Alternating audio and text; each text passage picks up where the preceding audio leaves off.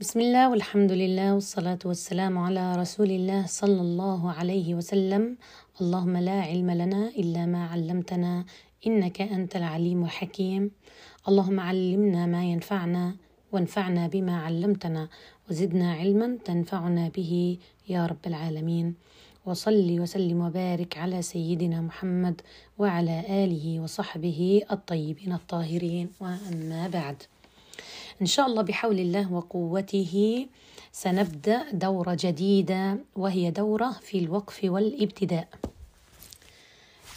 أولاً آه الذي سنتكلم به مقدمة وفضل تلاوة القرآن الكريم، ثم الاهتمامات الحديثة ونفائس الأقوال، أهمية الوقف والابتداء في التلاوة، أهداف دورة الوقف والابتداء، نماذج لتلاوات بعض القراء أنواع الجمل التامة ونماذج تطبيقية على هذه الجمل التامة أنواع الوقف وعلامات الوقف. هذه المحاور الرئيسية.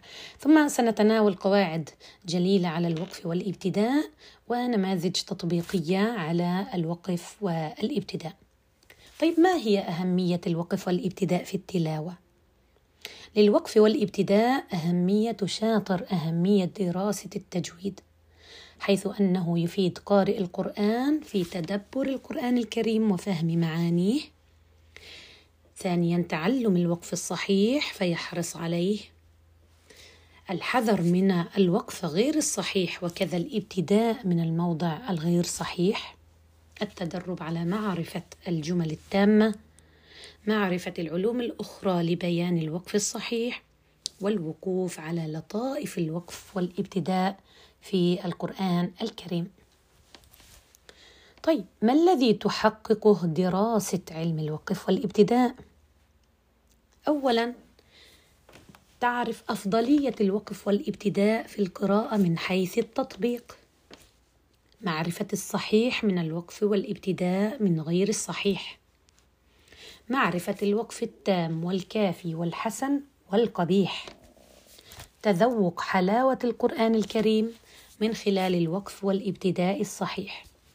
تلافي الوقوع من حيث التطبيق في أخطاء التلاوة بالوقف الخطأ أو الابتداء الخاطئ وهو ما يسمى بالوقف القبيح. وهذه الدورة إن شاء الله يعني ستعطي كل هذه المعرفة لربما تساهم في تدريب معلمي ومعلمات القرآن على هذا العلم الراقي وتبليغه وممارسته في الإقراء. نسأل الله يا رب التوفيق. مقدمة فضل التلاوة وأهمية الوقف والابتداء. ماذا نعني بلطائف القرآن والتدبر القرآني؟ لو قرأنا الآن سورة المسد بسم الله الرحمن الرحيم سيصلى نارا ذات لهب وامرأته حمالة الحطب في جيدها حبل من مسد الآن من الذي سيصلى نارا ذات لهب؟ هل نقول أبو لهب لكن هل هو أبو لهب لوحده الذي سيصلى نارا ذات لهب؟ ننظر إلى الآية الموالية. وامرأته حمالة الحطب. هذه الواو عاطفة. إذا الذي سيصلى نارا ذات لهب هو أبو لهب وأيضا امرأته التي صفتها أنها كانت حمالة للحطب. فالفاعل هنا أبو لهب وامرأته أم جميل. طيب في جيدها حبل من مسد هذه زيادة نقول الزيادة. وهو جيدها يعني في عنقها أي أم جميل هي وحدها التي في جيدها في عنقها حبل من مسد الآن لو عرفنا الوقف في القرآن ما معنى الوقف؟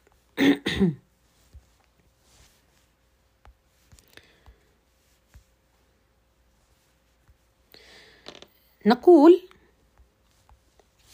أن الوقف لغة هو الكف والمنع واصطلاحا قطع الصوت بعد النطق بالكلمة القرآنية مع أخذ نفس. بغية إكمال القراءة مرة أخرى.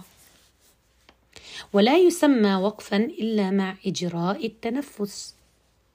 ويكون هذا الوقف عند رؤوس الآي وبعد آخر الكلمة ولا يكون في وسط الكلمة أبدا. أحيانا الطالبة تقرأ وتجد أنها تأخذ نفس في وسط الكلمة. طبعا هذا خاطئ. لا يجوز. الابتداء لغة هو البدء. واصطلاحا كيفية البدء بنطق الكلمة القرآنية والانتقال من حالة السكوت إلى حالة التكلم. مصطلح آخر مصطلح السكت.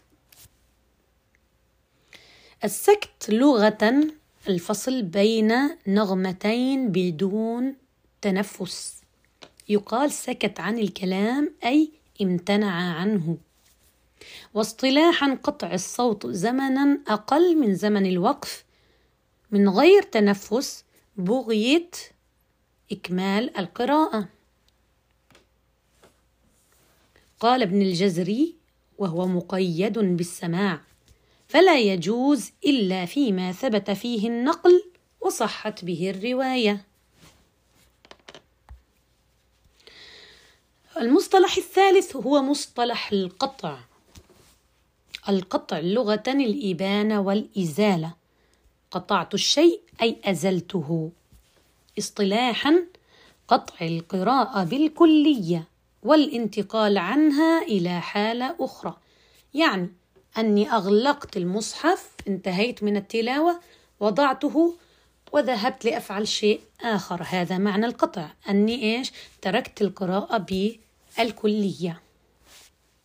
عندنا أيضا من المصطلحات نقول أن من أنواع الوقف في القرآن آه، الوقف الاختباري. هذا الوقف الاختباري لما تكون الطالبة تقرأ على شيخة وتوقفها لتختبرها في الأوجه تسألها مثلا ما هي الأوجه في هذه الكلمة القرآنية؟ فاختبارا كيف أقف على هذه الكلمة القرآنية؟ فهذا مثلا آه، اختبارا في آه، يسمى وقف اختباري. كيف أقف على الكلمة؟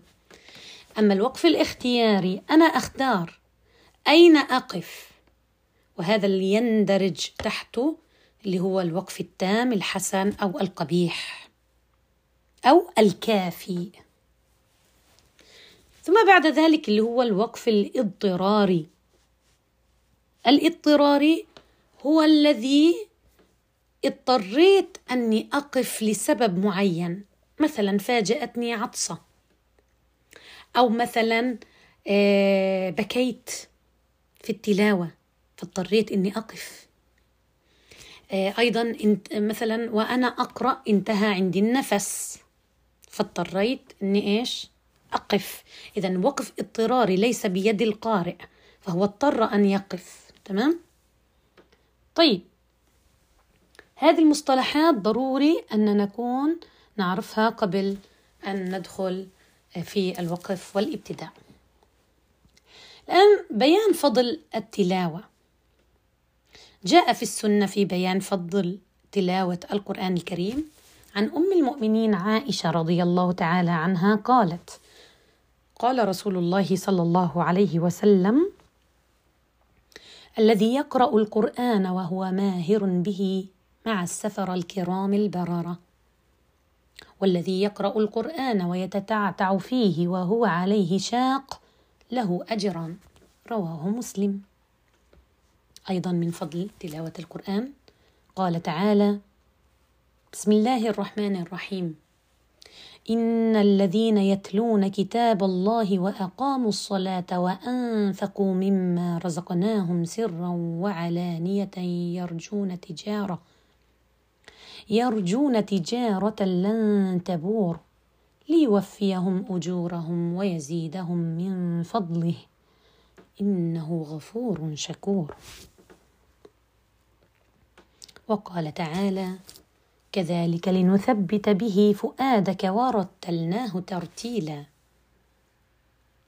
وفي الآية الأخرى قال تعالى أو زد عليه ورتل القرآن ترتيلا. لأن معنى تلاوة القرآن الكريم. قال الإمام علي رضي الله عنه هو تجويدك للحروف ومعرفتك للوقوف. وقال ابن الجزري وبعد تجويدك للحروف لا بد من معرفة الوقوف.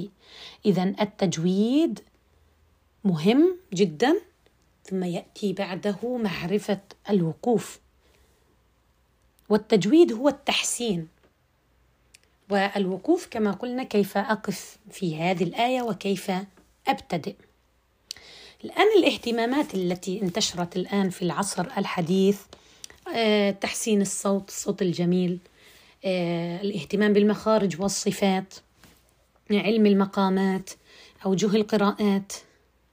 وبسبب الغفلة عن معاني القرآن وحفظه وبلاغته وتفسيره ينشغل البعض بالشطر الأول من معنى التلاوة وهو التجويد ومن ثم يطغى على الشطر الثاني وهو معرفة الوقف والابتداء. وهذا الذي ينمي الفهم وهذا الذي حث عليه الله عز وجل في أغلب آياته في القرآن الكريم. لما قال عز من قائل كتاب أنزلناه إليك مبارك ليدبروا آياته. اذا للتدبر معنى التدبر أي فهم الآيات.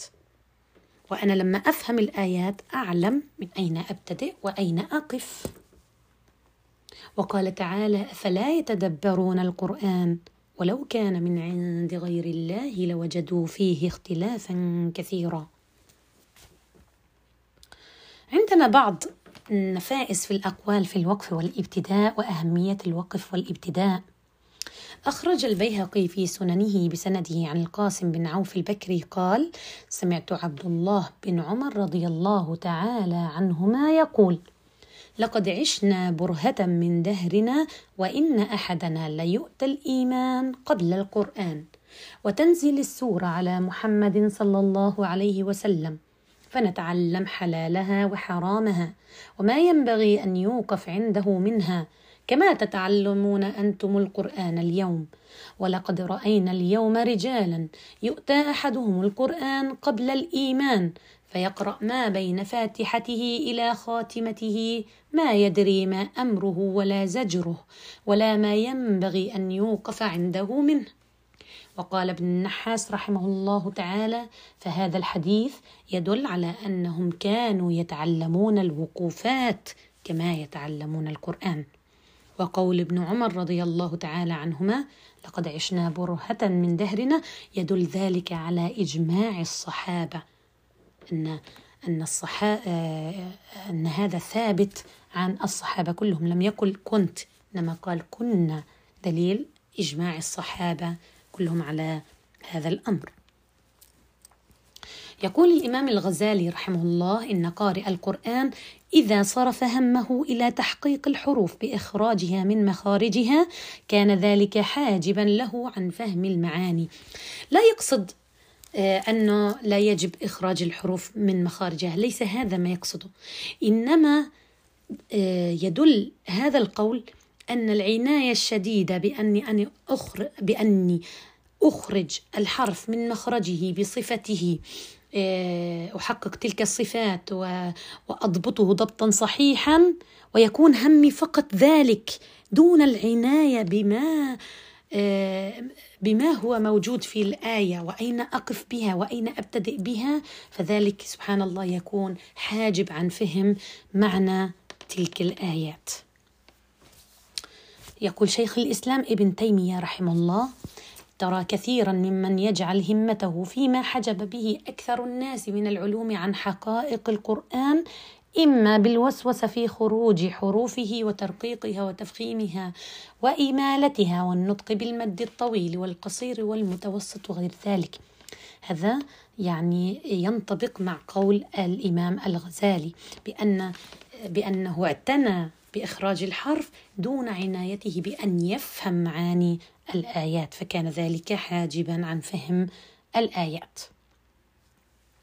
قال أبو حاتم الرازي رحمه الله تعالى من لم يعرف الوقف لم يعلم ما يقرأ.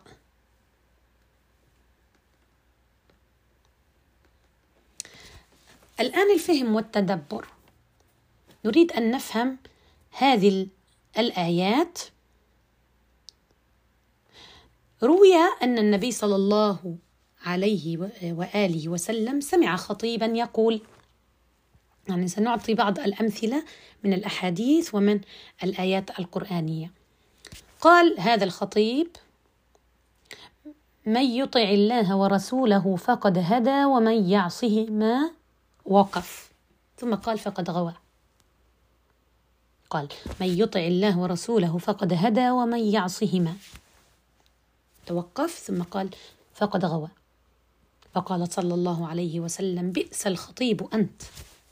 قل من يطع الله ورسوله فقد رشد ومن يعص الله ورسوله فقد غوى. لماذا قال له بئس الخطيب أنت؟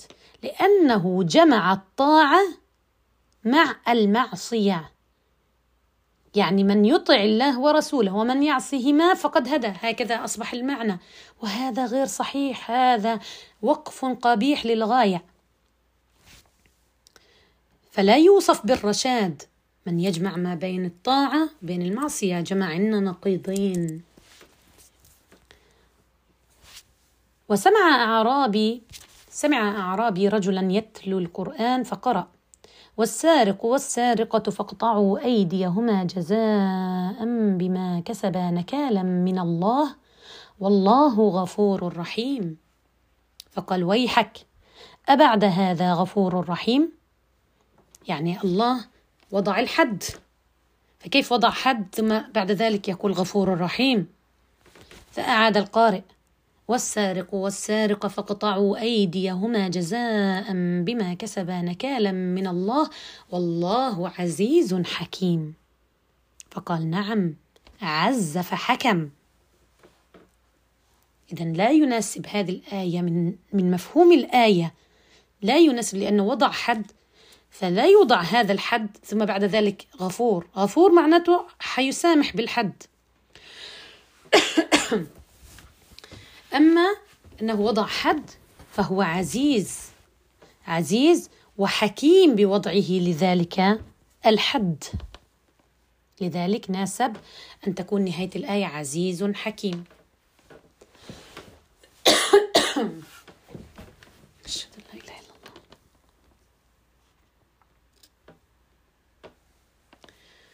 طيب. إلى هنا نقف قليلا إن شاء الله. ونعود بعد قليل. السلام عليكم ورحمة الله وبركاته. حياكم الله. بسم الله والحمد لله والصلاة والسلام على رسول الله صلى الله عليه وسلم. اللهم لا علم لنا إلا ما علمتنا. إنك أنت العليم الحكيم. اللهم علمنا ما ينفعنا وانفعنا بما علمتنا وزدنا علما تنفعنا به يا رب العالمين.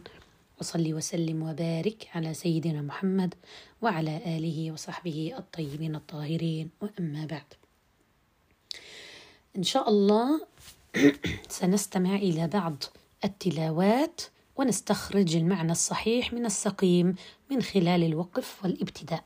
نأخذ أول آية. وذا النون بسم الله الرحمن الرحيم. وذا النون إذ ذهب مغاضبا فظن أن لن نقدر عليه فنادى في الظلمات أن لا إله.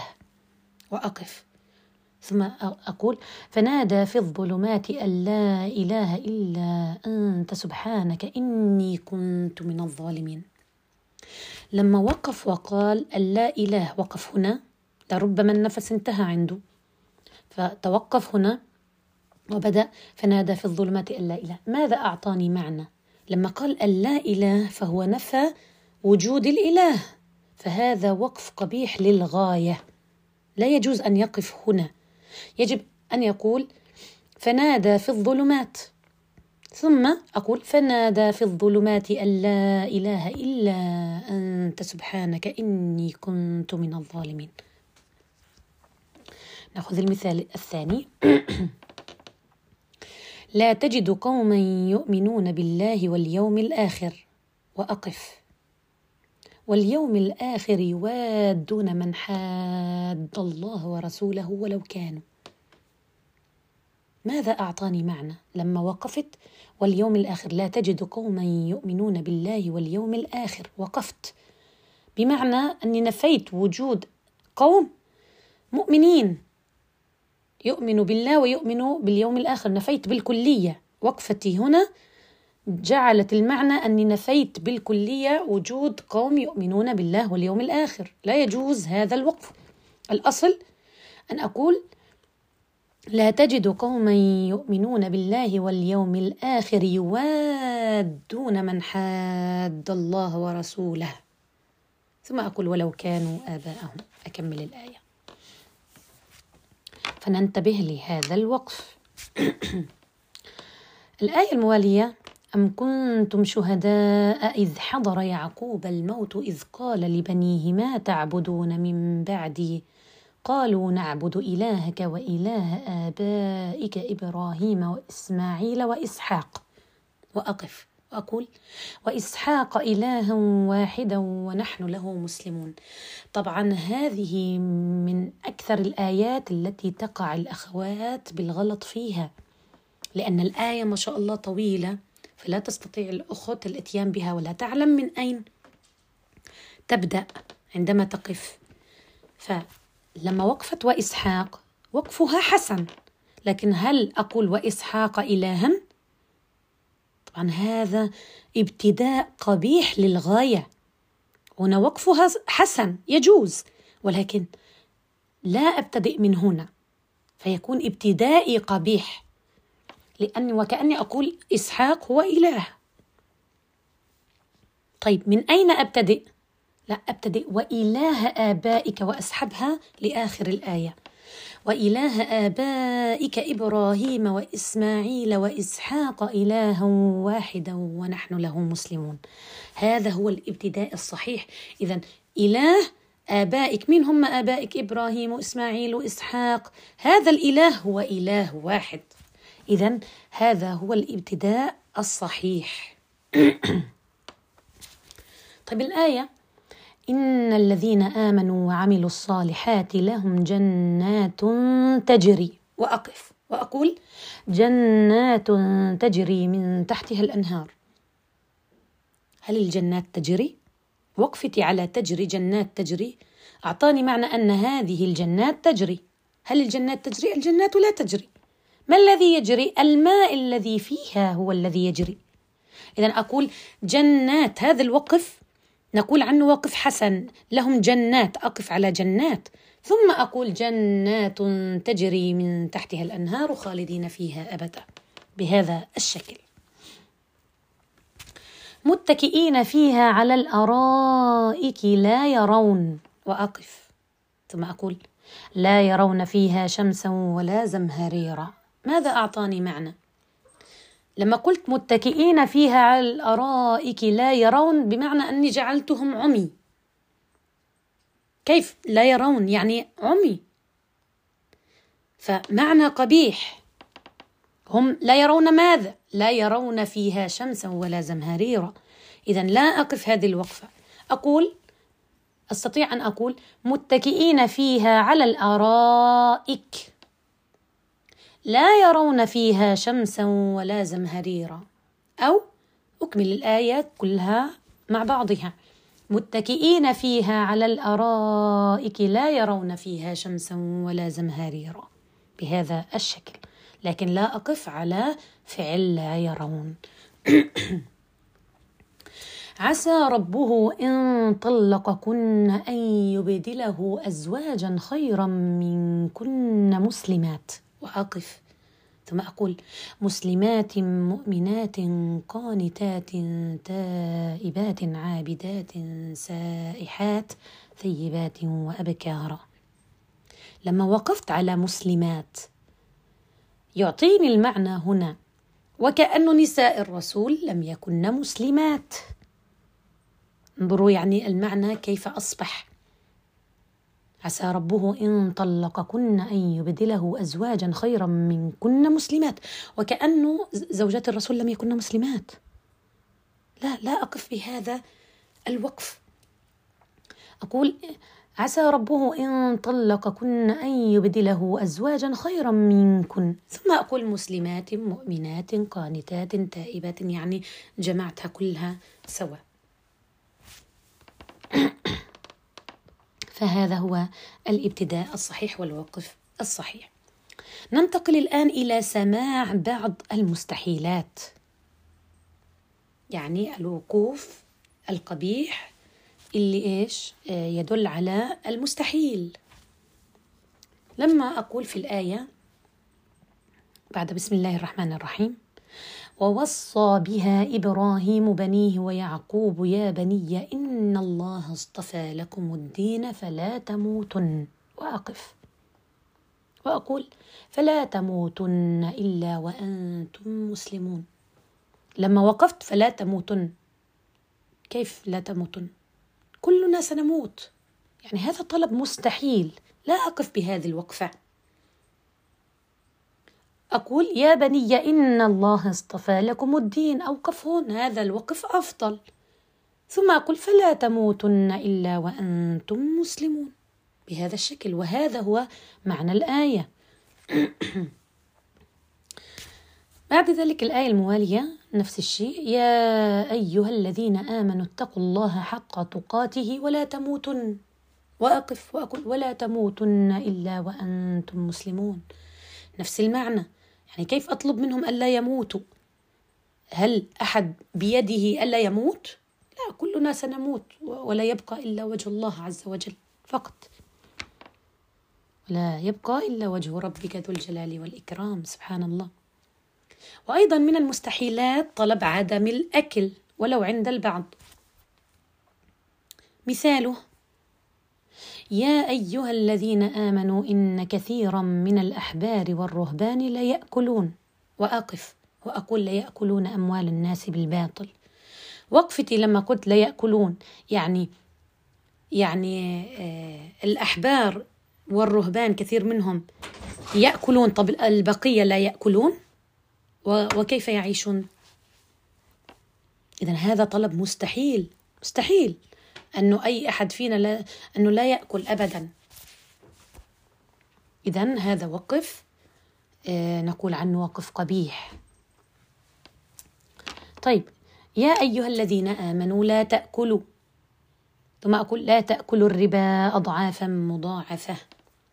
وقفتي على لا تأكلوا. يعني وكأني أقول لا تأكلوا أبدا. أبدا. وهذا طبعا مستحيل. نفس الآية, الآية أيضا وآتوا اليتامى أو نفس المعنى وآتوا اليتامى أموالهم ولا تتبدلوا الخبيث بالطيب ولا تأكلوا. ثم أقول ولا تأكلوا أموالهم. وقفتي على ولا تأكلوا طلب مستحيل كيف لا يأكلوا؟ إذا هذا من الوقوفات القبيحة. عندنا قبح في الوقف أو في الاستئناف وهو على درجات وله صور كثيرة. نأخذ أول درجة وهو الأقبح على الإطلاق وهو ما كان في حق الله عز وجل أو الأنبياء. الآن ما كان في حق الله عز وجل لما أبدأ أقوال الكفار. أنا أبدأ أقوال الكفار وأقول مثلا أستأنف يعني أبتدئ ب عزير بن الله. هذا يعطيني معنى؟ يعطيني وكأني أثبت أن عزير هو ابن الله حاشا الله أن يكون له ولد. أو أستأنف وأقول المسيح ابن الله نفس المعنى. يعني هذا قول الكفار. يجب أن أقول قالوا. قالوا يعني أنسب القول لقائل ولا أبتدئ بهذا الابتداء البشع. أو أستأنف يعني أن أبتدئ بيد الله مغلولة. حاشا الله أن تكون يده مغلولة بل يداه مبسوطتان عز وجل. إذا أنتبه إلى الابتداء هذا لأنه ابتداء قبيح جدا. أو أقول مثلا إن الله فقير ونحن أغنياء. إن هذه للتوكيد وكأني أؤكد أن الله فقير. حاشا نحن الفقراء والله هو الغني. أيضا الاستئناف وأقول آه، بقول الكفار إن الله ثالث ثلاثة وكأني أثبت وأؤكد أن الله هو ثالث ثلاثة. حاشا الله. إنما الله إله واحد عز وجل. أو أستأنف وأقول ولد الله وإنهم لكاذبون. ولد الله يعني وكأني أثبت أن الله له ولد. حاشاه عز وجل. أيضا الاستئناف. وأقول مثلا من كان عدوا لله وملائكته ورسله وجبريل وميكال وأقف وأقول فإن الله عدو. أو آه يعني وميكال فإن الله عدو. الله ليس عدو. حاشاه. إذا لا أقف هذه الوقفة. أو آه، أبتدئ وأقف أقول إن الله لا يستحيي. يعني يعني نسبت شيء إلى ذات الله يعني حاشاه الله عز وجل. فلا أقف هذه الوقفة القبيحة. أيضا أفمن زين له سوء عمله فرآه حسنا فإن الله يضل. الله لا يضل. كيف؟ يعني آه آه الذي زين له سوء عمله فإن الله يضل. وكأن الله يعني آه يضل؟ لا. يعني هذا وقف قبيح. أيضا وعنده مفاتح الغيب لا يعلمها. وأقف. وأقول لا يعلمها إلا هو. كيف عنده مفاتح الغيب وهو لا يعلمها؟ لا هذا أسلوب استثناء فيجب أن آتي بأداة الاستثناء مع المستثنى والمستثنى منه. وعنده مفاتح الغيب لا يعلمها إلا هو. نحن نستثنى الله فقط هو الذي يعلمها. فإذا لا أقف عند لا يعلمها. لأن هذا وقف قبيح جدا في ذات الله عز وجل. أيضا وقل إن كان للرحمن ولد فأنا وأقف. فأنا أول العابدين. وكأني أقول أنا هو هذا الولد. وهذا يعني وقف قبيح. لا يجوز. هذا الوقف قبيح ولا يجوز. إلى هنا إن شاء الله نقف. نكون وصلنا إن شاء الله آه، إلى الوقف الذي يكون في حق الأنبياء. نتكلم عنه في الدرس المقبل. هذا وبالله التوفيق. ما أخطأت فمني ومن نفسي ومن الشيطان وما أصبت فمن الله سبحانه وتعالى. سبحانك اللهم وبحمدك. نشهد أن لا إله إلا أنت. نستغفرك ونتوب إليك. السلام عليكم ورحمة الله وبركاته. السلام عليكم ورحمة الله وبركاته. وصلنا بحول الله وقوته آه، إلى آه، القبح في الوقف أو في الاستئناف الذي يكون في حق الرسل صلى الله عليه وسلم. نقول أن آه، الاستئناف مثلا ما لك من الله من ولي ولا نصير. يعني هذه الآية مشهورة عندنا في سورة البقرة عندنا موضعان اللي هو يعني آه، ولئن اتبعت أهواءهم بعد الذي جاءك من العلم ما لك من الله من ولي ولا نصير. أو الآية الثانية ولئن اتبعت أهواءهم بعد الذي جاءك من العلم إنك اذا لمن الظالمين. عندنا شرط أنك يا محمد عليه الصلاة والسلام إن اتبعت أهواء الكفار في هذه الحالة الله لن يكون ولي ونصير لك في هذه الحالة. أو ستكون يعني ظلمت نفسك يعني. ظلمت نفسك. لذلك يعني شيء مقرون بآخر. عندنا شرط. فلا أفصلهم عن بعض حتى لا يعطيني معنى مختل. أما أقف فأقول ولئن اتبعت أهواءهم بعد الذي جاءك من العلم ثم أقول ما لك من الله من ولي ولا نصير. وكأني أنفي ولاية الله. للرسول صلى الله عليه وسلم وهذا خاطئ. إذا عندنا آية يجب أن أصلها سوا ولا أقف في وسط الآية. حتى عندنا اللا اللا تعني عدم الوقوف في كلا الموضعين. يعني وهي تدل على معنيان. إما أني أستطيع الوقوف وأبتدئ ولكن لا أبتدئ بما بعده أو لا أستطيع الوقوف بأي حال. في كلاهما أني لا أبتدئ من بعد الله. آه، وأيضا في سورة يوسف لما قالوا آه ليوسف أحب إلى أبينا منا ونحن عصبة إن أبانا لفي ضلال مبين. أقف مثلا وأقول آه ليوسف آه وأخاه أحب إلى أبينا منا ونحن عصبة. ثم أقف وأقول إن أبانا لفي ضلال مبين.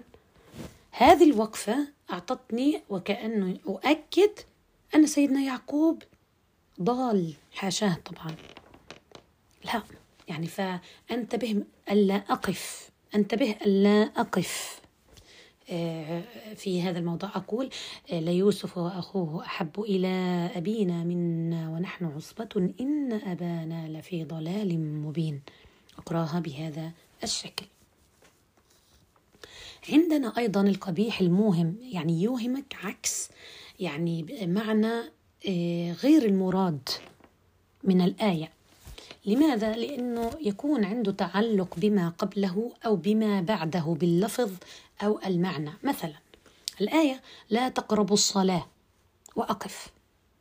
يوهم إباحة ترك الصلاة بالكلية.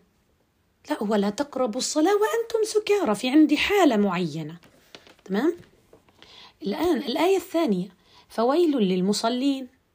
صحيح أنها رأس آية لكن لا أبتدئ بما بعدها. الذين هم عن صلاتهم ساهون. لأنه من هم لو أنا وقفت هذه الوقفة وفقط ولم أتبعها بما بعدها فويل للمصلين. يوهم أن هذا الوعيد ويل وهو وادي نسأل الله السلامة في جهنم لمن يسهو عن الصلاة ليس لمن تركها. الذي تركها سيكون له الصقر نسأل الله السلامة. لكن الآن من يتكاسل عنها ويسهى عنها؟ فهذا آه، يعني له ويل وادي في جهنم. إذا أنا لما أقول فويل للمصلين وأقف. يوهم المعنى أن هذا الوادي لكل المصلين. إذا لمن لماذا نصلي؟ نصلي حتى ندخل آه، جهنم؟ لا. إذا المعنى أصبح عندي قبيح هنا بهذه الوقفة. وكأنها يعني أوهم. لذلك يجب أن أتبعها مباشرة بما بعدها. فويل للمصلين لو وقفت وأقول فويل للمصلين الذين هم عن صلاتهم ساهون. أيضا الآية الموالية إنما يستجيب الذين يسمعون والموتى. أنا قرنت الاستجابة الذين يستجيبون هم الذين يسمعون والموتى أيضا بوقفتي هذه. فأوهمت أن الموتى أيضا يسمعون كالأحياء. لكن هل هذا صحيح؟ هذا خطأ. الموتى لا يسمعون ولن يستجيبوا. خلاص انتهت حياتهم. إذا هذا يوهم أن الموتى يسمعون ويستجيبون. فلا يجب أن أقف هنا. جمع لي نقيضين عندنا أيضا القبيح المتحقق. يعني يتحقق المعنى الباطل بالوقف عليه بحيث يجعل المتقابلان في حكم واحد. يعني مثال ذلك وإذا لقوا الذين آمنوا قالوا آمنا وإذا خلوا إلى شياطينهم. وأقف. وكأني أقول المعنى يصبح أني طبعا هذه الآية في سورة البقرة هي عن المنافقين. المنافقين لما كانوا بيلقوا الرسول أو يلقوا الصحابة كانوا يدعون الإيمان لكن بواطنهم كانت إيش؟ عكس ذلك. ليس عندهم إيمان أبدا. منافقين يظهرون غير ما يبطنون. فبوقفتي هذه وكأني أقول أنه إذا لقوا الذين آمنوا قالوا آمنا ولما يخلوا مع أنفسهم حيقولوا آمنا أيضا وهذا غير صحيح. هم لما يخلوا بأنفسهم قالوا إنا معكم للشياطين. يعني إذا خلوا إلى شياطينهم قالوا إنا معكم إنما نحن مستهزئون. إذا هم حيظهروا العكس. هذا معنى الآية الصحيح. إذا لا أقف وإذا خلوا أو أوقف الوقف الصحيح طالما لم يعطيني معنى قبيح أقول وإذا لقوا الذين آمنوا قالوا آمنا. أوقف هنا وأقول وإذا خلوا إلى شياطينهم قالوا إنا معكم إنما نحن مستهزئون. هذه القراءة الصحيحة. طيب الآية الموالية. فإن أسلموا فقد اهتدوا وإن تولوا. معنى الآية يصبح لما أقف هذه الوقفة أني أنا ساويت آه، من أسلم فإن أسلموا وإن تولوا فقد اهتدوا. وهذا غير صحيح.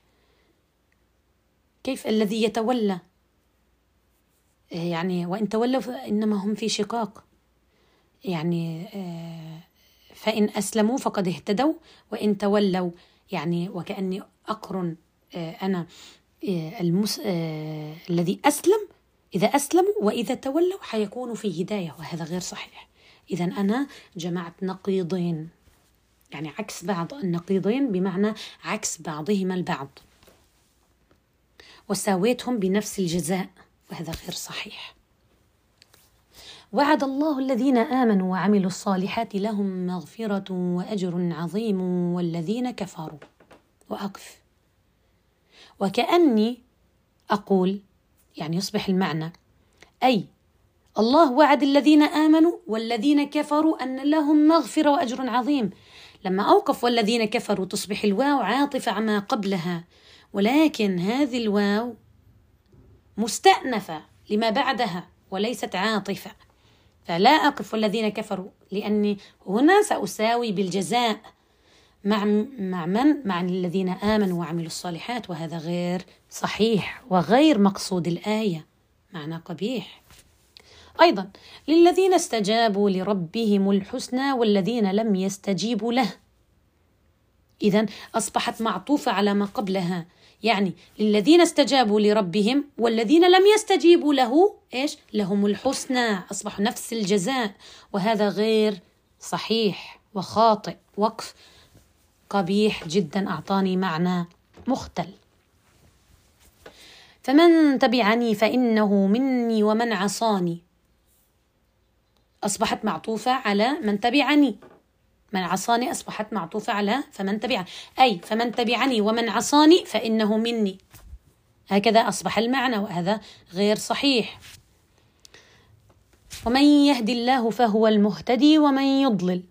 أنا ساويت بين من يهدي الله ومن يضلل كلاهما أصبحا مهتدين وهذا غير صحيح.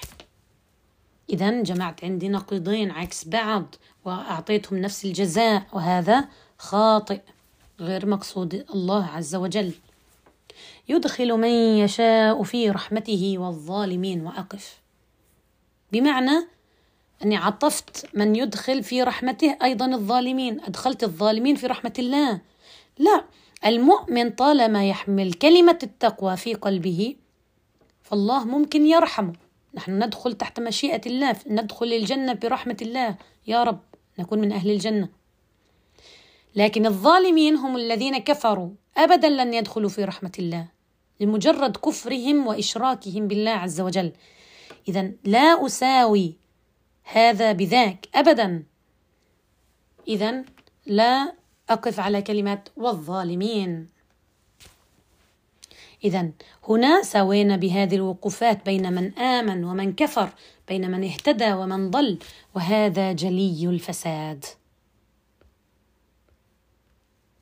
هذا والله تعالى أعلم. إلى هنا نقف إن شاء الله ونكمل فيما بعد أنواع الجمل التامة.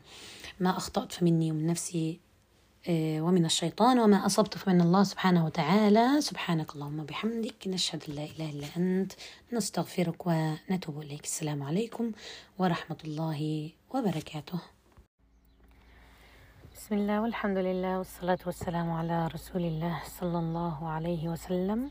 اللهم لا علم لنا إلا ما علمتنا إنك أنت العليم الحكيم. اللهم علمنا ما ينفعنا وانفعنا بما علمتنا وزدنا علما تنفعنا به يا رب العالمين. وصلي وسلم وبارك على سيدنا محمد وآله وصحبه الطيبين الطاهرين. وأما بعد كنا أخذنا نبذة عن الوقف وما هي آه، أهمية الوقف وما الذي آه، يعطي معنى من الوقوفات اللي ممكن آه، أن تكون فيها معنى قبيح مثل الذي يكون في حق الله عز وجل. مثال ذلك مثلا لما تبتدئ بقول الكفار عزير ابن الله فهذا ابتداء قبيح. أيضا المعنى الاستئناف على ما يكون قبيح في حق الرسل. مثلا الآية ولئن اتبعت أهواءهم من بعد ما جاءك من العلم وتقف وتقول إنك إذا لمن الظالمين فهذا وكأنك يعني تؤكد الظلم للرسول صلى الله عليه وسلم وهذا من المعاني القبيحة في الاستئناف. فهذا وقف أصلا قبيح واستئناف أقبح. طبعا مراجعة سريعة لمعنى الوقف. القف الوقف لغة معناه الكف والحبس. واصطلاحا هو الوقف على الكلمة القرآنية زمنا يسيرا مع أخذ نفس بغية استئناف القراءة. وعندنا من أنواع الوقف الوقف الاضطراري والوقف الاختباري. وعندنا وقف انتظاري ووقف اختياري. آه، فهذه ثلاث أنواع من الوقوفات التي إن شاء الله سنتطرق إلى معرفة آه، معناها. عندنا آه، الأربع أقسام الوقف الاضطراري تعريفه هو الوقف على كلمة ليست محلا للوقف. لكن وقفنا عليها للضرورة.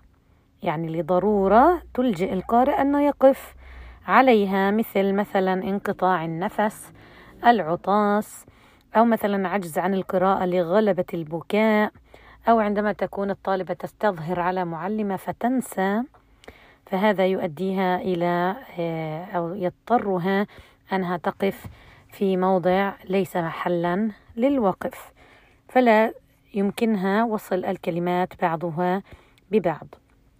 كالوقف مثلا على الفعل دون فاعله أو المبتدأ دون خبره أو على الشرط دون جوابه. فيجب حينئذ البدء بالكلمة الموقوف عليها إن كان يصح الابتداء بها وإلا فيجب أن ترجع لما قبلها بما يصح الابتداء به. تمسكه وتكمل آه، الآية آه، التي آه، تليها. مثال ذلك مثلا الوقف اضطراريا على كلمة عليهم. من قوله تعالى أولئك جزاؤهم أن عليهم. وتقف. فهل تكمل من لعنة الله مثلا؟ لا. يجب أن تقول أن عليهم لعنة الله والملائكة والناس أجمعين. يعني مثلا لم يمديها النفس أنها تصل الآية كلها مع بعضها فقامت بقطع آه، أن آه، عن اسمها وخبرها. فالأولى أن آه، تصل هذه. فلو اضطرها النفس أن تقف على أن عليهم عليهم ماذا؟ لم يعطيني معنى. لكن اضطراريا لا حول ولا قوة إلا بالله. فليس عليها حرج. إنما يجب أن ترجع مرة ثانية وتقول أن عليهم لعنة الله والملائكة والناس أجمعين بهذا الشكل. الآن حكمه هذا الوقف الاضطراري. جائز. يجوز للقارئ أنه يقف على أي موضع حدثت عنده الضرورة يعني لم يتعمد حتى تنتهي تلك الضرورة التي دعت إليه. ثم يبتدئ بالكلمة التي وقف عليها إن كانت تفيد آه، الابتداء بها وإلا آه، فيبتدئ بما قبلها بما يصح الابتداء به. الآن النوع الثاني من أقسام الوقف وهو الوقف الاختباري وهو أن يقف القارئ على كلمة ليست مكان للوقف بقصد اختبار المعلم للتلميذ في حكم الكلمة وكيف تقرأ في حال الوقف عليها.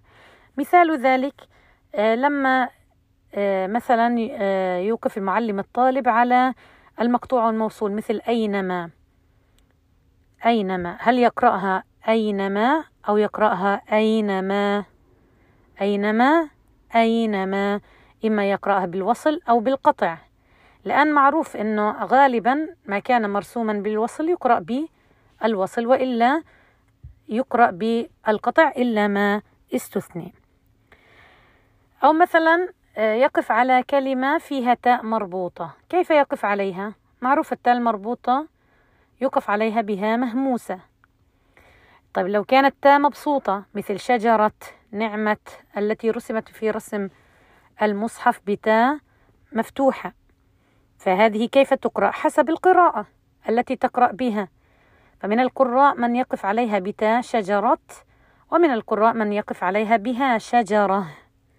بالرغم أنها مكتوبة بتاء مفتوحة أو نقول عنها تاء مبسوطة. يعني حسب اللفظ عندكم. هذا بالنسبة للاختباري آه فما ما هو حكمه؟ حكمه أنه جائز.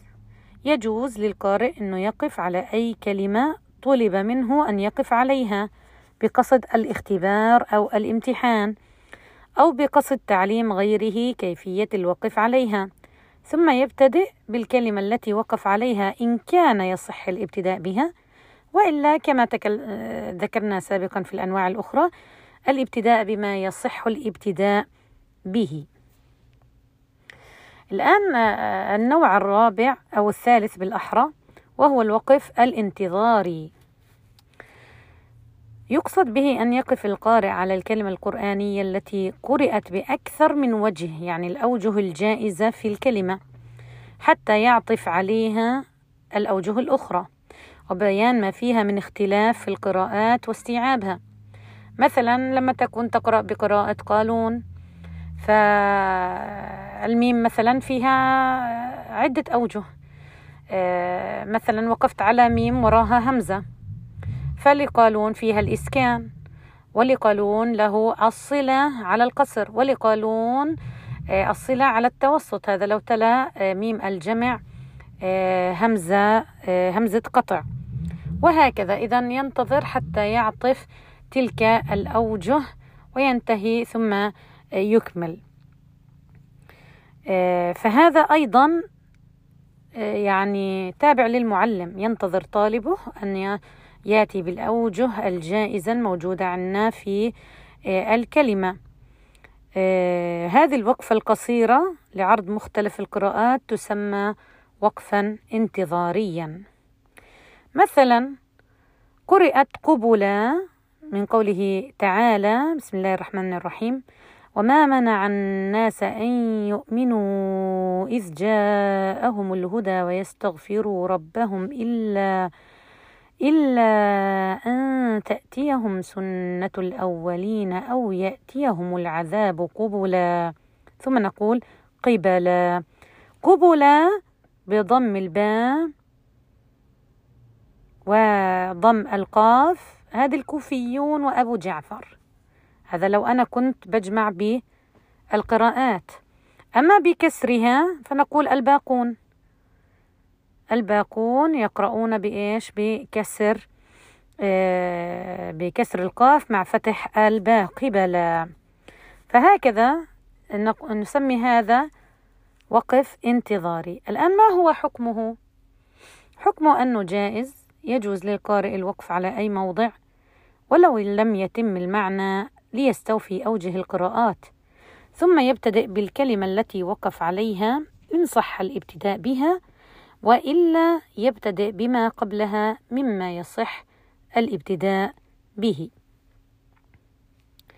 رابعا الوقف الاختياري وهو لا يكون إلا على جملة تامة وهو الذي أشار إليه الناظم لما قال وبعد تجويدك للحروف لا بد من معرفة الوقوف والابتداء وهي تقسم إذا ثلاثة تام وكاف وحسن.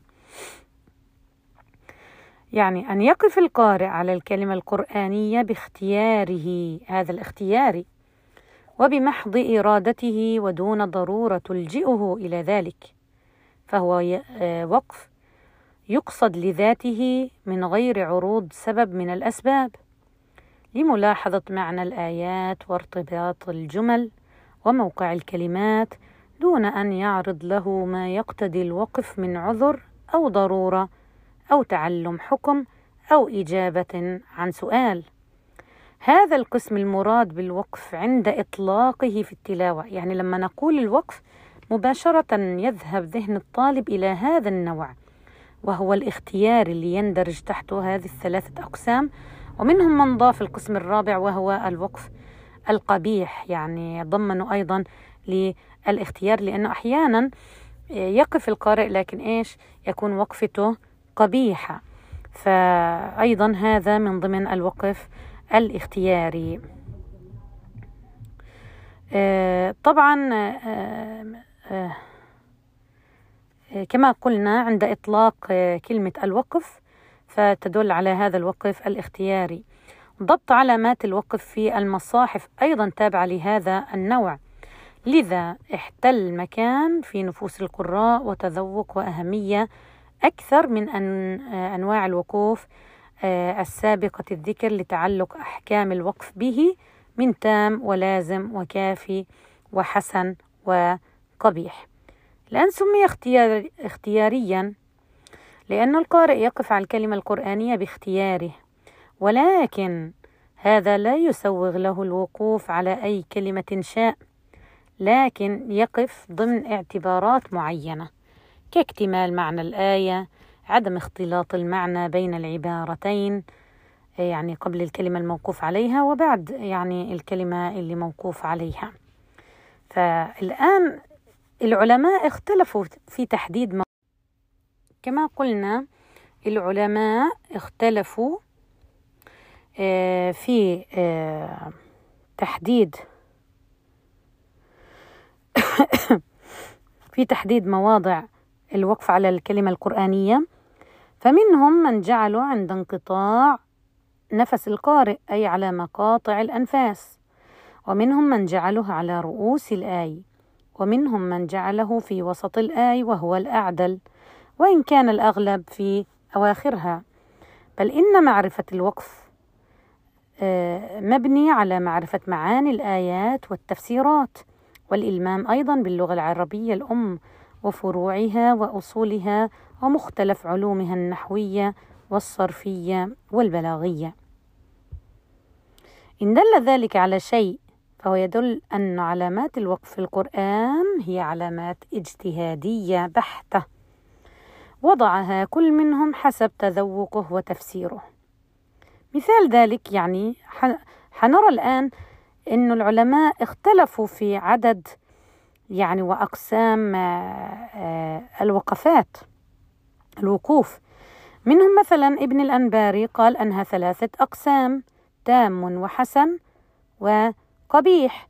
أما أبو جعفر النحاس زاد عليها أنواع أخرى.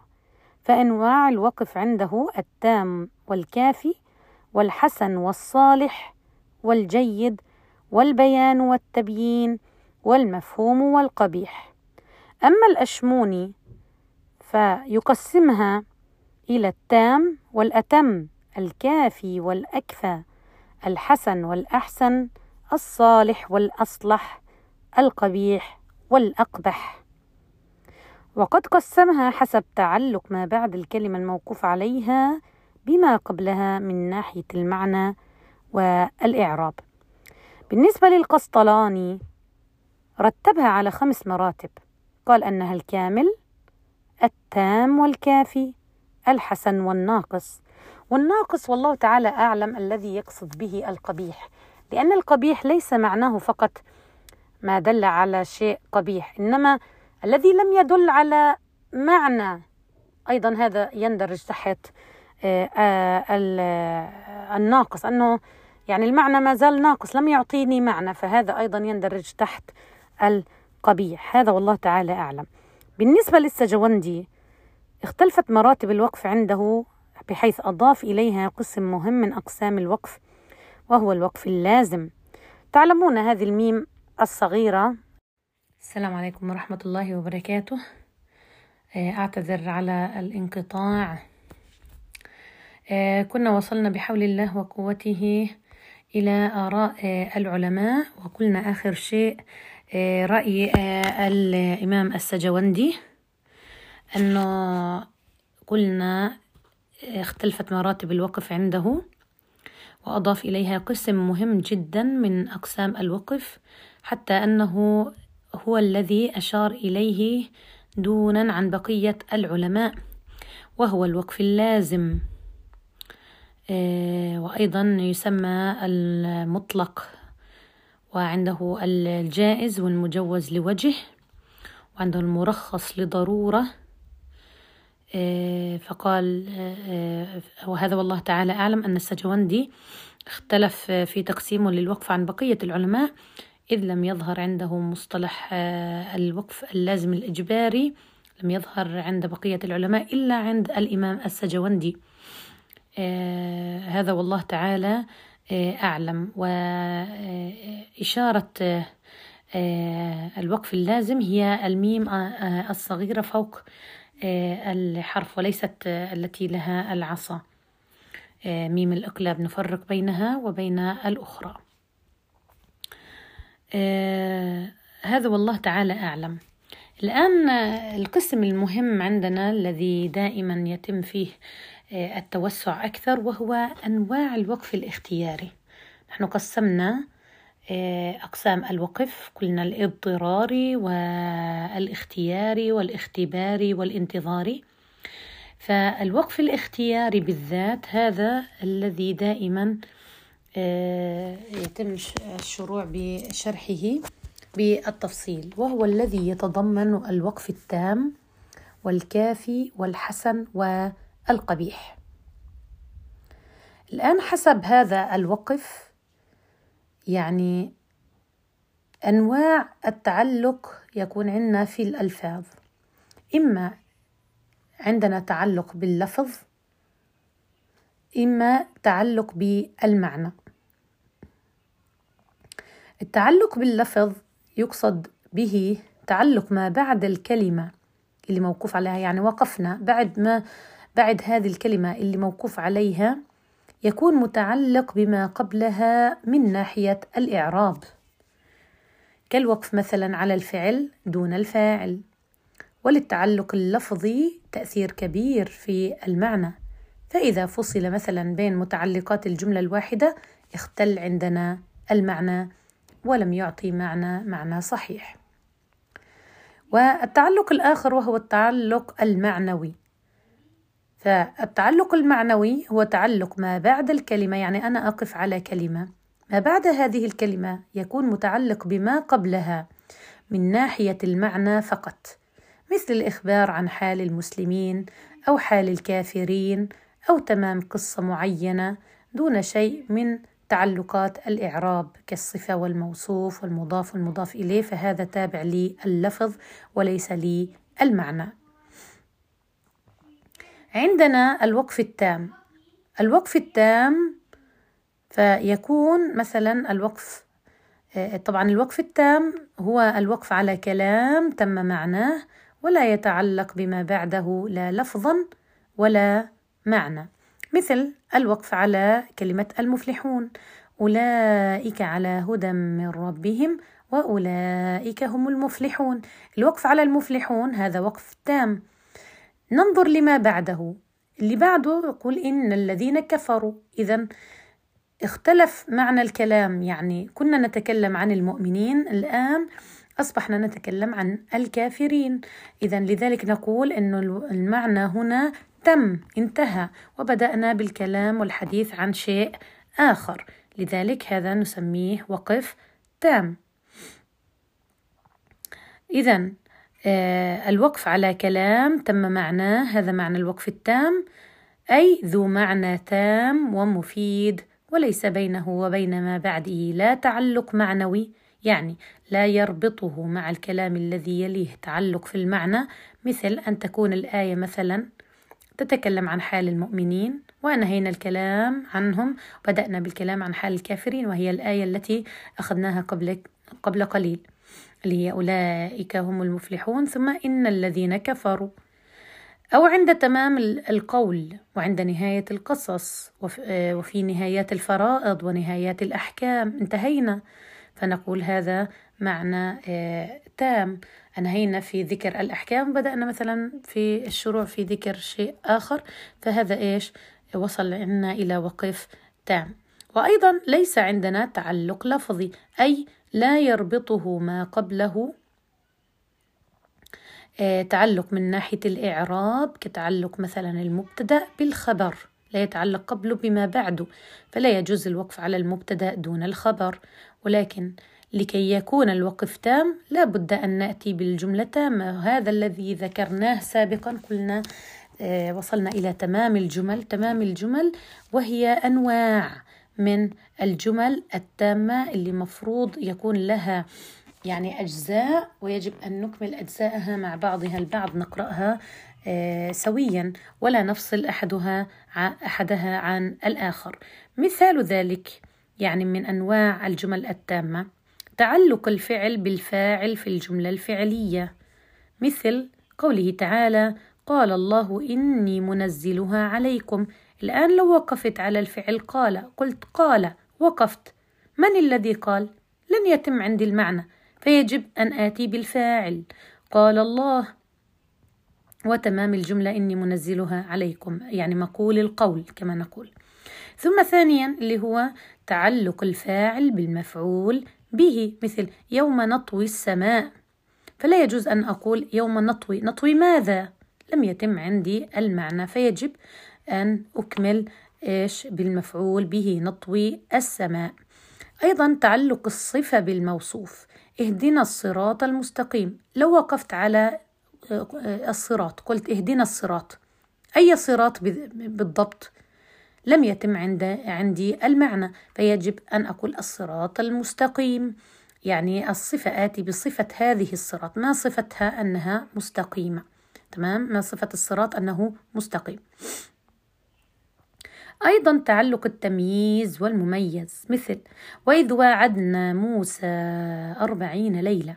لو وقفت على كلمة أربعين أربعين ماذا؟ شهر سنة يوم؟ لم يتم المعنى. إذا يجب أن أميز. أربعين ماذا؟ أميز هذا العدد بشيء مميز له وهو ليلة. فهذا نقول عنه آه، تعلق التمييز بالمميز. فلا يجوز الوقف على أربعين. الآن تعلق المضاف بالمضاف إليه. مثل صبغة الله. لو وقفت على صبغة صبغة من؟ لم يعطيني أي معنى. لذلك يجب أن أضيف إلى كلمة صبغة شيء حتى يعطيني المعنى صبغة الله. وهذا هو الوقف التام عليها. وأيضا الحال وصاحب الحال مثل وما خلقنا السماء والأرض وما بينهما لاعبين. فلا أقول وما خلقنا السماء والأرض وما بينهما وأقف. لأن لما أقف هذه الوقفة فأنا أنفي أن الله خلق السماء والأرض والذي بين السماء والأرض فيعطيني معنى قبيح جدا. إذا لاعبين هذه حال. ما خلقناهما ماذا؟ لاعبين. فهذه حال نقول. فيجب أن أتم المعنى بهذا الحال. أيضا تعلق إن وأخواتها باسمها وخبرها. فهذه من الجمل التامة. إن وأخواتها كان وأخواتها. فنقول مثلا إن الله لا يهدي القوم الظالمين. فلا أقول إن وأقف. إن من؟ الله. لو قلت إن الله طيب وقفت. ما به؟ فلم يتم عندي المعنى. فيجب أن أكمل آه، بخبر لهذا آه، لإسم إن أو لإن خبر لإن لها اسم الله وخبرها الجملة الفعلية. تمام؟ أيضا تعلق كان وأخواتها باسمها وخبرها وكان أمر الله قدرا مقدورا. كان قلت كان. كان ماذا؟ لم يتم. طب لو قلت كان أمر الله وقفت. هل تم المعنى؟ لم يتم. إذا عندي تعلق بالاسم والخبر أيضا فيجب أن أتم الآية كاملة بأجزائها. الوقف أيضا على الأسماء الموصولة. الأسماء الموصولة مثل الذي التي اللذان الذين اللواتي اللاتي. فهذه أسماء نقول عنها موصولة. فلا يجوز الوقف على الاسم الموصول مثل هدى للمتقين الذين. الذين ماذا؟ لم يعطني معنى. نقول هذا معنى قبيح لأنه ما أفاد معنى. معنى قبيح يعني القبح في المعنى يعني أنه أيضا لم يفد معنى أصلا ولم يتم المعنى. فنقول آه، هدى للمتقين الذين يؤمنون بالغيب. يجب أن آتي بتمام آه، جملة الإسم آه، اللي هي صلة الموصول نقول عنها. الآن الوقف على الاستفهام دون المستفهم عنه. فأين تذهبون؟ فلا يجوز الوقف على فأين؟ أقول فأين؟ فأين ماذا؟ أيضا لم يتم عندي المعنى فيجب أن آتي بما يتم هذا المعنى اللي هو المستفهم عنه. أيضا الوقف على المستثنى دون المستثنى منه. آه مثاله مثلا ولولا فضل الله عليكم ورحمته لاتبعتم الشيطان إلا قليلا. فلا أقطع الآية وأقول ولولا فضل الله عليكم ورحمته. ماذا سيحدث؟ لم يتم يوجد كلام ما زال عندي المعنى لم يكتمل وأنتظر إيش؟ حدوث الأمر. لو لولا فضل الله إيش؟ حيكون في عندي شيء. اذا لاتبعتم الشيطان إلا قليلا. عندي هنا آه، اللي هو آه، مستثنى منه. الوقف أيضا على النهي. مثل آه، قوله تعالى وإذا قيل لهم لا تفسدوا في الأرض وأقول لا. لا ماذا؟ عن ماذا تنهانا؟ لم يتم المعنى. اذا لا تفسدوا في الأرض. أيضا لا يوقف على أداة الشرط دون فعل الشرط. نحو وإن يأتي الأحزاب. ماذا سيحدث إن يأتي الأحزاب؟ اذا ما زال عندي جواب للشرط. إن هذا أداة شرط جزمت معايا آه، الفعل المضارع. من أدوات آه، الشرط الأدوات هذه تجزم عندي إما فعل إما فعلين في آه، في الجمل. ف وإن يأتي الأحزاب إيش؟ يود فهذا جواب الشرط تمام؟ جواب الشرط. عندي فعل شرط وجواب للشرط مثلا من يتق الله يجعل له مخرجا يتقي إذا من جزمت, جزمت معي فعلان من يتقي يجعل. ففعلان متعلقان مع بعضهما البعض فيجب أن آتي بكليهما ولا أفصلهما لأنه لن يتم عندي آه، المعنى. آه، مثلا إن تدرس تنجح إن تدرس أقول إن تدرس وأفصلها. ماذا سيحدث؟ إن تدرس ماذا؟ آه، يجب أن آتي بجواب الشرط. عندنا أيضا يعني جمل يجب أن نفرقها عن بعض عن بعضهما. نفرق جملة الشرط ونقول الجملة الشرطية والجملة الترجية. فهذه يجب آه، أفرق آه، بين هاتان آه، أو هذان النوعين من الجمل. مثلا طبعا اللهم صل على سيدنا محمد آه، وأن تصوموا خير لكم إن كنتم تعلمون. الآن لو قلت وأن تصوموا خير لكم إن كنتم تعلمون وصلتها إذا معنى هذا الكلام إنه لو صمتم حيكون خير. وإن لم تصوموا لن يكون خيرا لكم. وهذا خطأ. هو الصيام خير سواء علمنا أو لم نعلم. إذا إن صمتم يعني إن كنتم تعلمون يعني إن آه، لو أنا وصلتها فقلت آه، وأن تصوموا خير لكم إن كنتم تعلمون. يعني لو علموا حيكون خير لهم لو لم يعلموا لن يكون خيرا لهم. طبعا هذا خطأ لأن الصيام هو خير سواء علمنا بفائدة الصيام أو لم نعلم هو الصيام خير.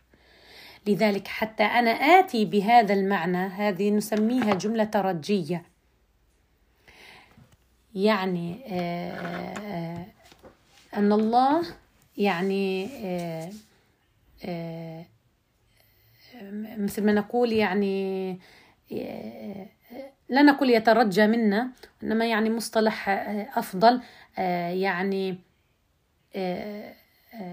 يتأمل منا أن نعلم يتأمل منا أن نعلم أهمية الصيام أهمية الصيام. لذلك أنا هذا ليس شرط. هذه الجملة ليست جملة شرطية لا نسميها جملة شرطية أنه لو علمتم سيكون الصيام خير لكم لو لم تعلموا يعني علاقة عكسية. آه، فهذا آه، إذا يجب ألا نصل هذه الجملة بالتلاوة. لا نقول وأن تصوموا خير لكم إن كنتم تعلمون. حتى لا يعطيني معنى الشرط إنه لو علمنا حيكون خير لو لم نعلم لن يكون لنا خير هذا آه، الصيام. لذلك لا يجب أن أقراها بهذا الشكل خطأ. إنما أقول وأن تصوموا خير لكم إن كنتم تعلمون. حتى آتي بمعنى إيش؟ الجملة الترجية. يعني آه، وأن تصوموا خير لكم إن كنتم تعلمون. يعني آه، سواء علمنا أو لم نعلم الصيام خير لنا. فهذا معنى آه، الجملة الترجية. أيضا عندنا آه، الكثير طبعا من الآيات التي تعطي هذا المعنى. مثلا إن حسابهم إلا على ربي لو تشعرون. إن حسابهم إلا على ربي لو تشعرون. أنا لو وصلت قرأت بهذه الكيفية بمعنى لو شعرنا حيكون حسابهم على ربي. لو لم نشعر لن يكون حسابهم على ربي. إذا على من حسابهم؟ إذا هذه جملة ليست شرطية ليست شرط يعني إن درست ستنجح إن لم تدرس لن تنجح. هذا معنى الشرط. علاقة تكون عكسية الشرط. يعني في فعل متصل بحدوث فعل آخر. فإن حدث الأول يجب أن يحدث الآخر. وإلا يعني إن لم يحدث الأول لن يحدث الآخر. هذا معنى الشرط. فعلان متصلان سويا بطريقة إيش؟ بعلاقة عكسية. الآن آه الجملة الترجية لا العلاقة عندي طردية يعني سواء علمنا أو لم نعلم مثلا آه نفس الأمر نفس الفعل حيكون نفس آه الأمر سيحدث. فهذه الآية نقول عنها أنها جملة ترجية. يعني يجب أن أوقف أو أقف بها. يعني أقول إن حسابهم إلا على ربي لو تشعرون. فأقف إن حسابهم إلا على ربي لو تشعرون. لو تشعرون. يعني سواء شعرتم أو لم تشعروا حسابهم على الله عز وجل. حسابهم على الله عز آه، وجل. وأيضا آه، رب السماوات والأرض وما بينهما إن كنتم تعلمون. رب السماوات والأرض وما بينهما إن كنتم تعلمون. لو وصلت وقلت رب السماوات والأرض وما بينهما إن كنتم تعلمون سيكون وكأنها شرط يعني أنا لو علمت هو رب السماوات والأرض. طب إن لم أعلم لن يكون رب السماوات والأرض وهذا خطأ. اذا هي ليست جملة شرطية. إنما نقول عنها جملة ترجية فيجب أن أقف لأعطي ذلك المعنى. أقول رب السماوات والأرض وما بينهما إن كنتم تعلمون. فأقولها بهذه الكيفية. فإذا حتى أعطي معنى الترجي يجب أن أقف. أما لما تكون عندي شرط يعني يعني الفعل الأول حدوثه مرتبط بحدوث الآخر وإلا فلن يحدث إن لم يحدث الأول لن يحدث الفعل الثاني. فيكون عندي ذلك إيش؟ جملة شرطية. هذا والله تعالى أعلم. إلى هنا نصل إلى ختام حلقتنا لهذا اليوم. ما أخطأت فمني ومن نفسي ومن الشيطان وما أصبت فمن الله سبحانه وتعالى. سبحانك اللهم وبحمدك. نشهد أن لا إله إلا أنت. نستغفرك ونتوب إليك. السلام عليكم ورحمة الله وبركاته. بسم الله والحمد لله والصلاة والسلام على رسول الله صلى الله عليه وسلم.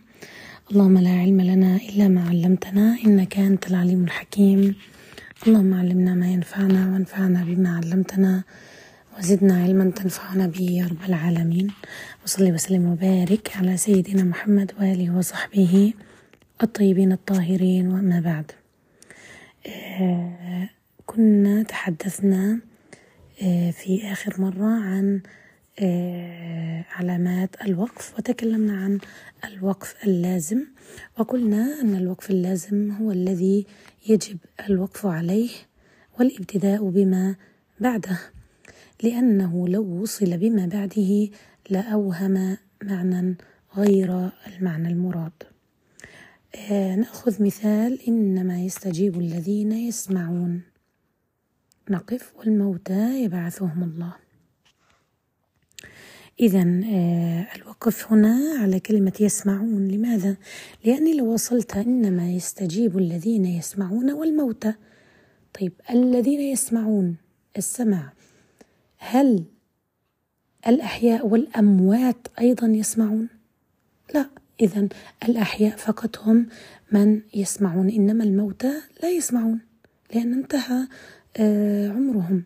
فنقول أن الوقف يجب أن يكون عند يسمعون ثم بداية الآية والموتى يبعثهم الله تابع للفعل اللي هي البعث. فأنا لو وصلتها لأوهم اشتراك الموتى مع الأحياء في الاستجابة والسماع وهذا غير مراد الآية. أيضا عندنا قوله تعالى فلا يحزنك قولهم أو لا يحزنك قولهم. إنا نعلم ما يسرون وما يعلنون في سورة ياسين. نقول أن الوقف هنا يجب أن يكون على كلمة قولهم فلا يحزنك قولهم. نقف. إنا نعلم ما يسرون وما يعلنون. فيجب أن يكون هنا وقف لازم وعلامتها الميم الصغيرة لأن القارئ لو وصلها لو قلنا فلا يحزنك قولهم إنا نعلم. لأوهم أن القول هذا إنا نعلم ما يسرون وما يعلنون هو قول الكفار وهذا غير صحيح. فإنا نعلم ما يسرون وما يعلنون هذا قول الله عز وجل. فحتى نفصل آه المعنيان عن بعضهما. البعض يجب علينا بالوقف.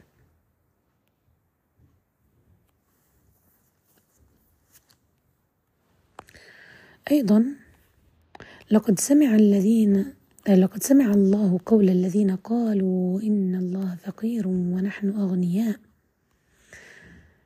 آه نقف. سنكتب ما قالوا.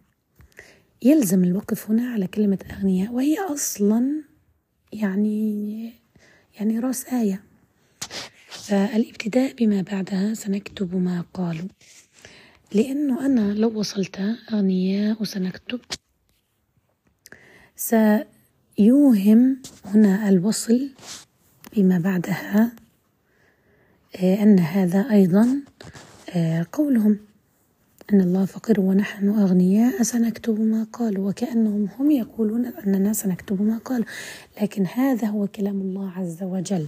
حتى أفصله عن كلام الكفار وجب علي بالوقف إذا هو إخبار من الله عز وجل عن الكفار. الآن حكم الوقف اللازم. يجب الوقف عليه والابتداء بما بعده حتى بما بعده عفوا حتى لا يوهم عندنا معنى غير المراد في الآية. لذلك سمي بالوقف اللازم. علامته الوقف اللازم أو الواجب في المصحف يعرف بالميم الصغيرة وتكون فوق الكلمة. طبعا غير الميم التي يكون لها الذيل لأن ميم الذيل هذه لعلامة الإقلاب. بعد ذلك عندنا النوع الآخر من العلامات الوقف التام المطلق.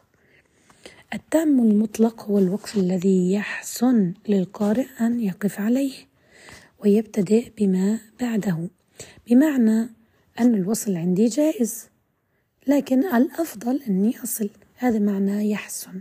يعني هل أنا لو وصلت يغير يعني يعطيني معنى فاسد؟ لا. إذا يجوز لي طالما أنه لا يغير عندي آه، سياق الآية ولا المعنى المراد في هذه الآية من الله عز وجل. لكن عندي نقول أن الوقف أولى الوقف عندي أولى. إذا الوقف الذي يحسن للقارئ أن يقف عليه ويبتدئ بما بعده بمعنى أن الوصل عندي جائز طالما أنه لا يغير المعنى لكن الوقف عندي أولى. طيب مواضعه كثيرا ما يأتي هذا النوع من الوقف التام في المواضع التالية منها رؤوس الآية كقوله تعالى الحمد لله رب العالمين.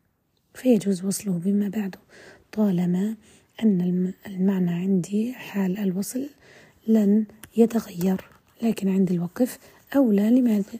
لماذا؟ لأنه سنة. الوقف على رؤوس الآية سنة. أيضا عند انقضاء القصص القرآني مثل قوله تعالى وإن ربك لهو العزيز الرحيم في سورة الشعراء. في مواضعها الثمانية. طبعا كلها في سورة الشعراء.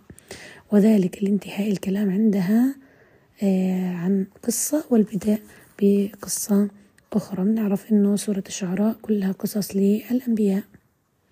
أيضا عندنا انقضاء الكلام على الأحكام. لما ينتهي حكم من الأحكام.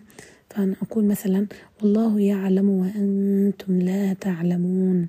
الوقف هنا على كلمة تعلمون هو وقف تام مطلق.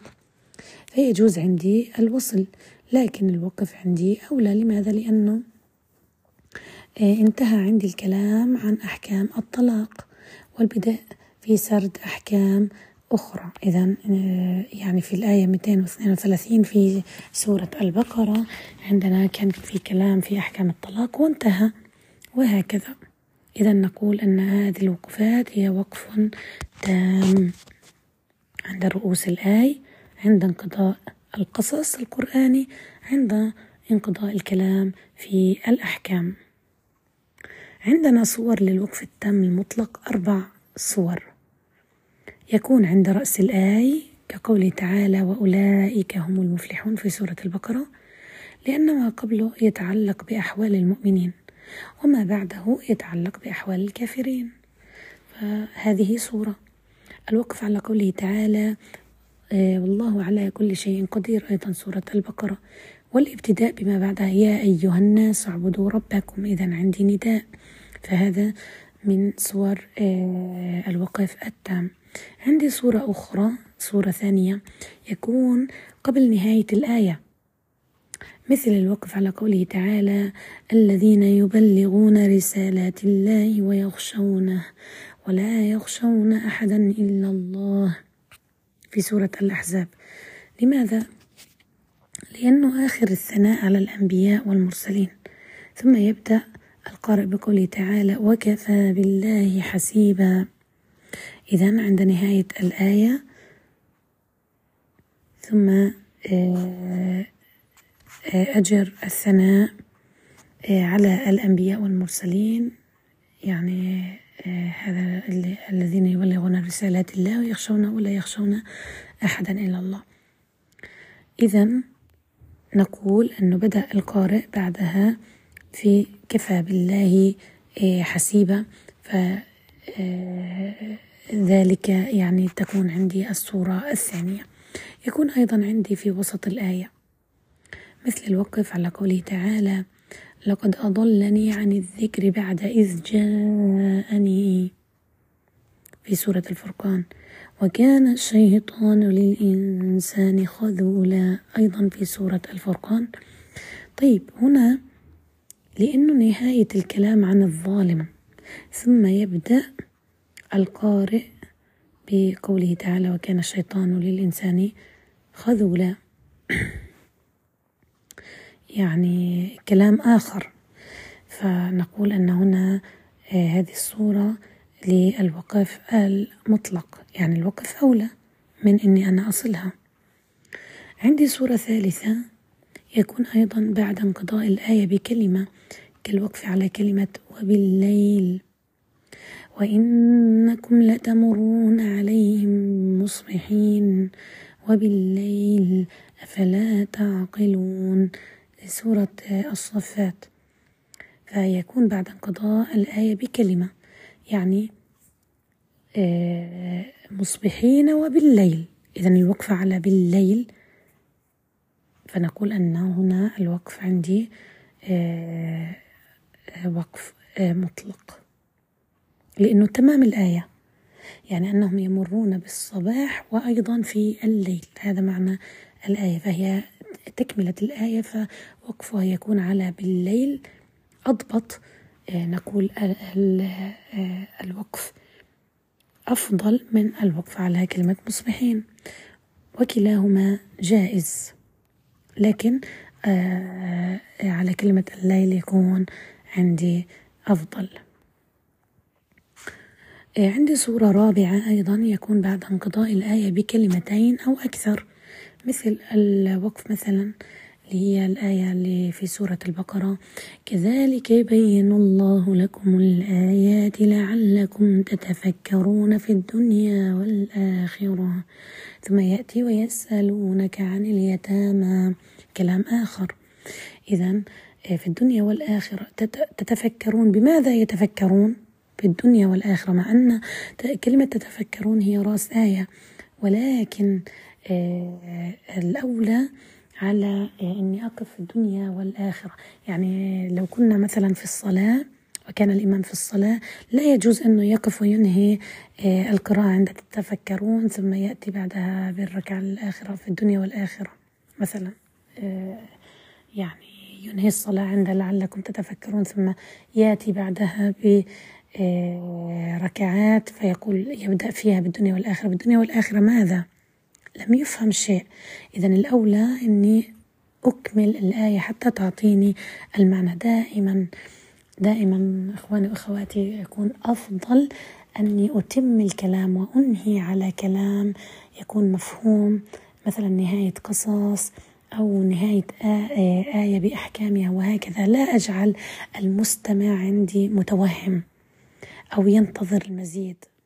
فيكون حتى جمالية في القرآن لما نقرأ. آه، إذا هذه آه، الأربع صور قلنا عند رؤوس الآي. يكون عندي مثلا آه، قبل نهاية الآية ممكن ممكن بعدها يعني بكلمة ممكن في وسط الآية انقضاء الآية بكلمة أو كلمتين وهكذا. فهذه هي صور آه، التام المطلق. طيب ما هي علامته في المصحف؟ القلي. إذا القلي عندما ترونها اعلموا أن هذا علامة آه، الوقف التام المطلق. يعني اختصار لكلمة الوقف أولى يعني جائز الوصل لكن الوقف أولى طب كيف أعرف آه، يعني أن هذا الوقف عندي تام مطلق؟ يعني آه، عندي دلالات تدل أنه هذا الوقف عندي تام مطلق يعني غير آه، اللي هي علامة القلي يمكن أني أعرف الوقف التام المطلق إذا كان الكلام بعده يبدأ باستفهام. مثال الله يحكم بينكم يوم القيامة فيما كنتم فيه تختلفون. ألم تعلم أن الله يعلم ما في السماء والأرض؟ إذا كلمة تختلفون تأتي رأس آية ثم ألم تعلم؟ إذا أتى بعدها استفهام. فأعلم هنا أن الوقف على كلمة تختلفون وقف تام مطلق. هذا في سورة الحج.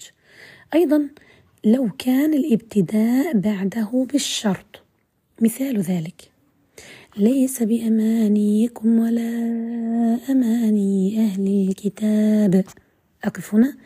من يعمل سوءا يجز به.